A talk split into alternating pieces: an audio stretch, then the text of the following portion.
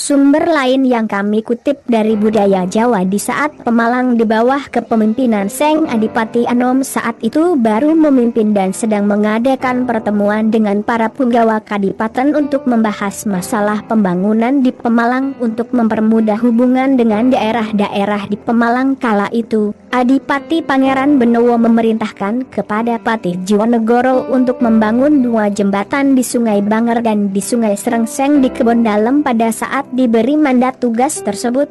Dengan spontan Patih Jiwonegoro menjawab sampun dados, sudah jadi, Kanjeng Adipati. Serta merta ketika mendengar jawaban dari Patih Jiwonegoro, Seng Adipati saat itu yaitu Pangeran Benowo tercengang dibuatnya. Untuk membuktikan kebenaran ucapan Jiwonegoro, pada pagi harinya Pangeran Benowo meninjau lokasi dua jembatan tersebut dan ternyata apa yang diucapkan Jiwonegoro benar adanya, di dua sungai tersebut telah terbentang jembatan yang dikehendaki Adipati. Maka semakin yakinlah Pangeran Benowo kepada bakti dan kesetiaan Patih Jiwonegoro, putra asli Pemalang dan masyhur kesaktiannya. Pada hari berikutnya, Seng Adipati Benowo memerintahkan lagi kepada Patih Jiwonegoro untuk membangun lagi dua jembatan di Sungai Rambut di Bojongklor dan Sungai Pelawangan. Namun lagi-lagi dijawab sampun dados, Kanjeng Adipati oleh Jiwonegoro namun kali ini Adipati Benowo tak perlu lagi mengecek kebenaran jawaban yang diberikan oleh patihnya, dikarenakan Seng Adipati sudah mempercayainya.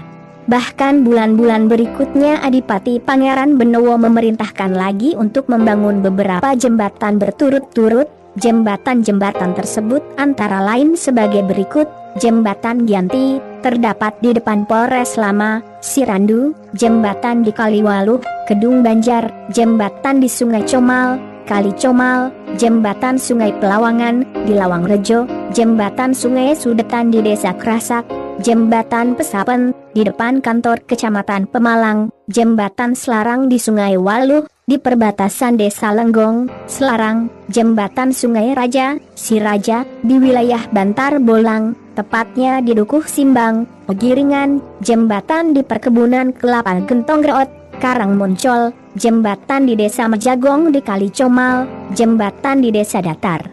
Di Kali Comal, jembatan Sudetan di daerah Moga, di depan Pesanggeragan dan Pemandian, jembatan di perbatasan Desa Cikasur dan Desa Randu Dongkal, jembatan di Desa Bulakan, dan jembatan di Desa Belik dinobatkan sebagai patih sampun pada pertemuan berikutnya, Adipati Pangeran Benowo melibatkan Tumenggung dan seluruh Demang serta para penatus dan bekal sekadipaten Pemalang. Dalam acara tersebut, Adipati Pangeran Benowo mengucapkan terima kasih kepada Patih Jiwonegoro dan para punggawanya atas jasa-jasanya dalam membangun beberapa jembatan di wilayah Kadipaten Pemalang. Maka, atas jasanya tersebut Patih Jiwonegoro diberi gelar Sampun, dan sejak saat itu Patih Jiwonegoro lebih dikenal sebagai Patih Sampun. Mitos Kalibacin menurut cerita yang berkembang di masyarakat secara turun-temurun, Kali Bacin sesungguhnya tidak pernah diperlebar. Anehnya, lebar jembatan Kali Bacin selalu sesuai dengan ukuran lebar jalan. Kali Bacin terletak melintas di Jalan Jenderal Sudirman Barat, tepatnya persis di sebelah timur kantor Pegadaian Pemalang. Dekat pertigaan lampu merah Kora atau sebelah timur alun-alun Pemalang.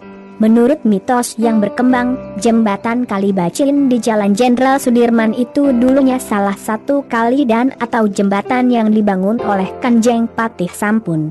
Karenanya, diyakini pula bahwa Kali Bacin mempunyai daya gaib yang berkekuatan mistis dengan selalu dapat menyesuaikan lebar jalan dengan sendirinya di sepanjang waktu. Meskipun sulit dipertanggungjawabkan secara ilmiah, namun mitos tentang misteri jembatan Kalibacin terus berkembang hingga saat ini. Walaupun sejauh ini belum ada pihak-pihak yang membuktikan kebenarannya. Sekian kisah asal-usul Patih Sampun dan Kalibacin. Jangan lupa like, komen dan subscribe, agar tidak ketinggalan asal-usul selanjutnya.